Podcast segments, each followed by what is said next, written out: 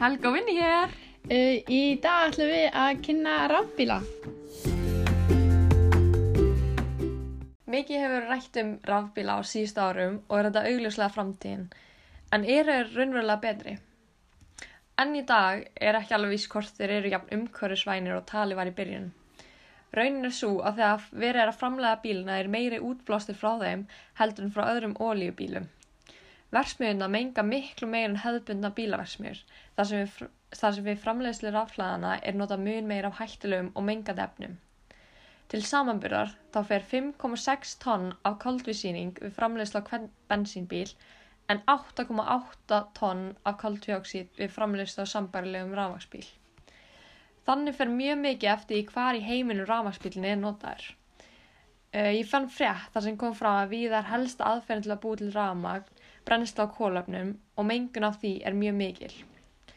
Í háskólum í Oslo hafa menn rannsaka ferli frá framleiðslu til förgunar og kom í ljósa rafmagsbíl að menga um það byrj helmingi meira en venjulegur bíl þegar skoðaði allan líftíma hans. Þetta ásand ekki alveg allstar í heiminum og á mörgum stöðum í Európu er betra fyrir náttúruna að vera rafmagsbíl og þá sérstaklega hér á Íslandi, þar sem Íslandingar nota einungis rafmagn frá endur nýjanlegum orkugjöfum.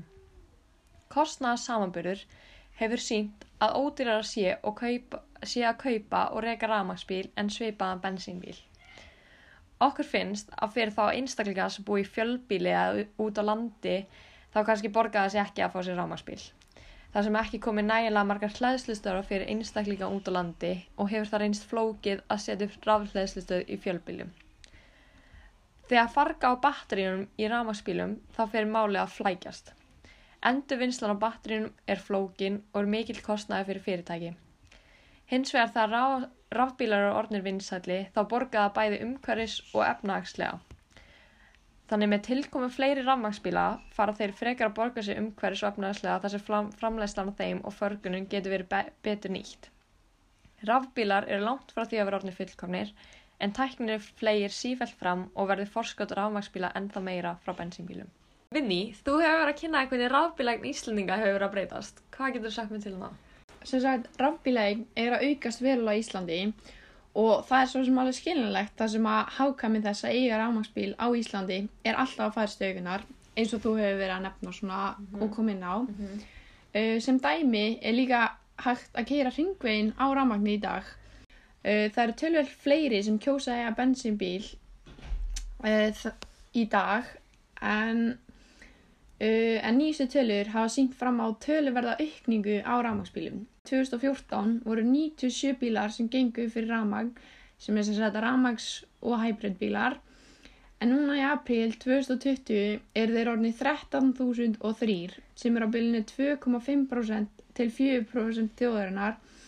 Og þá er talan ennþá herri ef við tökum bara bílaægendur þeir sem hugsa mikið til framtíðar fara að velta fyrir sér hvort það sé hagstæðar að kaupa ramarsbíl eða bensinbíl og það er alveg margt sem þarf að hafa í huga. Í fyrsta lagi að það er vaksandi bensínverð sem er orðið kostnæðasemt og það er orðið kostnæðasamara að grafa eftir ólíu og Íslandingar eru einni að flytja inn ólíu að við erum ekki með ólíulindir sem kostar þá ennþá meira og þar geti bensínverð farið hækkandi með árunum. Um, það gæti því verið hagstæðar í framtíni að eiga ramaspíl og þá sérstaklega ef ólílindi fara að klárast og því mér stefnir allt í það. Uh, í öðru lagi er rafbíl dýri framlegslu og þess vegna dýrar á markanum. Uh, það gæti þurft að kaupa ný batteri setna og endist sem, því þau endist ekki jafn lengi og bensínbíl endist. Uh, það sem þvælist einnig fyrir mörgum er hæðslan við að verða ramagslaus þar sem rafleslur eru langt frá því að vera jafn algengar og bensínstöðar uh, það er þó að lagast og fer ört fjölgandi. Það er hins vegar að auka aukast vinseldi í rafbíla og hann er að verða tölvert ódýri í rekstri eins og þú komst líka fram á þann mm. og ég er með hérna nokkru tölur þar sem að bensínbíl svona meðal bensínbíl er í kringum 11 krónum á kílometran en meðal rafmagsbíl er 3 krónum á kílometran Um, ef við skoðum rekstra kostnaða ári fyrir meðal bensinbíl og rafbíl er munurinn 188.779 krónur sem fer þá í bensinkostnað og útblástur koltvísýrings er 1710 kíló sem kemur frá bensínbíl. Uh, á Íslandi er einnig feld niður gjöld þannig að á rafmagnsbílum þannig að hann er ekki jafn dýr á Íslandi því að hann er ekki jafn mingandi og en allavega með vikningi rafbíla eru greinilega fleira í kjósa kostin að kaupa rafbíl. En Helga, hvað með umhverfisáhrifin og er þetta rétt að leginn til að minga koldioksi í andrúsloftinu? Uh, já, eins og ég tók fram áðan þá er framleiðslan og förgunum á rafmagnsbílum ekki hagstað umhverfislega séð og efnahagslega. Þar sem förgunum á batterinu hefur áhrif á jarðveginn, uh, mengandi efni frá batterinu geta lagst í jarðveginn og valdi töluverðin skaða með eitruðu efnum sem eru almennt í batterjum. Það er því mikilvægt að losa sér rétt við batterín. Uh, með fjölgun rafbíla verða umhverfisáhrifin minni á hvert bíl og með komandi framtíð verða vonandi fleiri þjóðir með umhverfisvagni rafmaksnótkun og framleyslan á rafbílum verða mun betri. Hvort þetta sé rétt að leiða til að minga koldíóksi andrúsloftinu er hægt að deilum. Uh, Tesla framlegir ekki bara bíla, heldur líka ymsara aðrar orkulausni til að stjórna endur nýjanleiri orkuvinnslu. Þannig fyrir ekki aðeins brensla kóla við framlegslu rafmaks.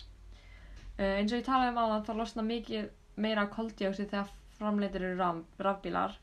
Bensínbílar eru þá fljótur að vinna það upp með brensla jarðefna eldsneiti þegar keirtir á, á þeim út á götu.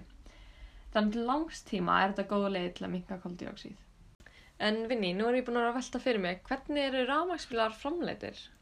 Uh, já, tökum sem dæmi Tesla, en þetta ásamt við um flesta alla rafmagnsbíla, þá er þeir framleitir bara fyrst og fremst eins og allir aðrir bílar þegar bara bílinu setti saman af vélmennum og starffólki sem bara vinnur að því að festa bílinn saman úr málmum og alls konar þannig áli og þannig.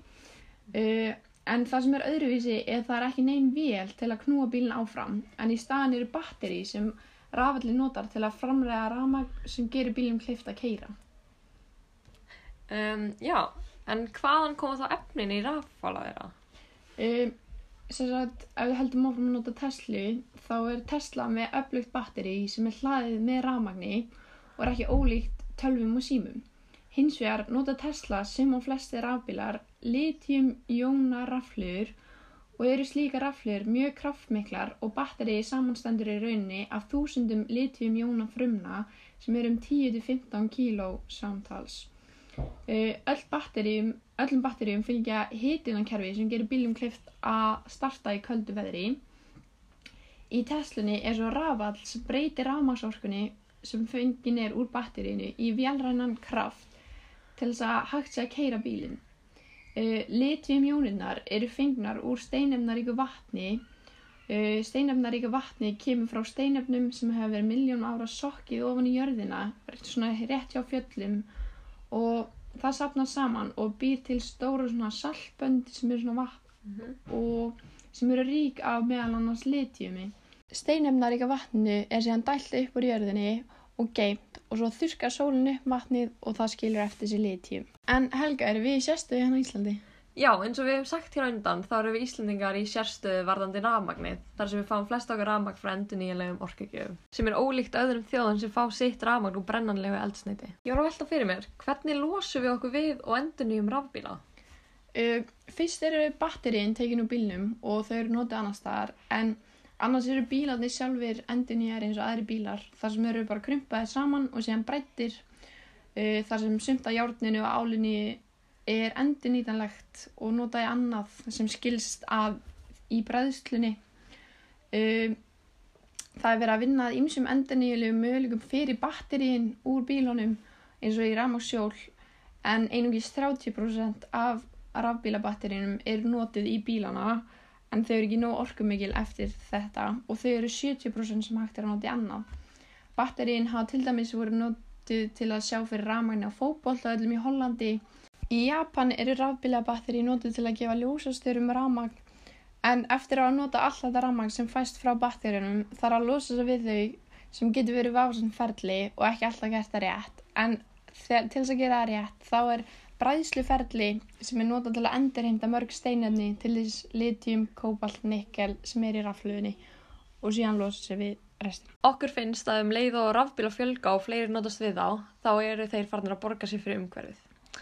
Við ákváðum að heyri nokkrum góðum vinum og fengum álit þeirra á rafmagsbílum og hvert þau varu sammála um ágæti rafbílsins. Uh, Það er Gunnar 5 ára, Lilja Kristín 10 ára og Eysteinn 2 ára. Hvað finnst ykkur um rafmagnsspilar? Vitið þið hvað rafmagnsspilar eru? Já. Já. Er það? Ok, hvað finnst ykkur um það? Bara ágætt. En þið Gunnar? Mm, ég veit ekki. Veist ekki? En Eysteinn? Hvað finnst þér? Ég veit að það er þau ára. Hvað finnst þér um rafmagnsspila? Mhm. Mhm, ok. Já, halló. Já, halló, Jón Ánurún Já, þetta er hann. sem þú, þú ert, varst í vélskólanum og búin að vinna með bílum síðan 2005. Já, það er það. Já.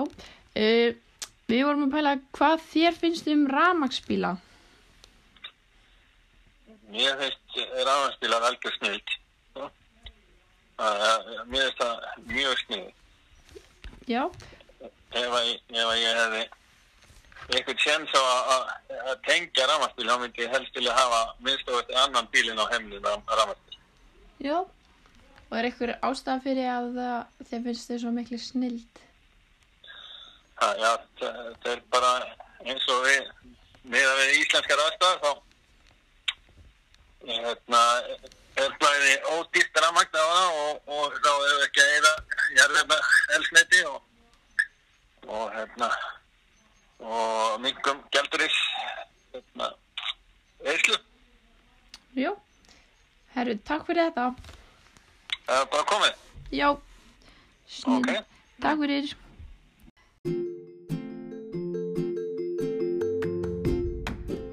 Viðstæðan okkar er því svo að rafmagnsspilar eru komin til að vera. Þannig til næst. Sjá stress.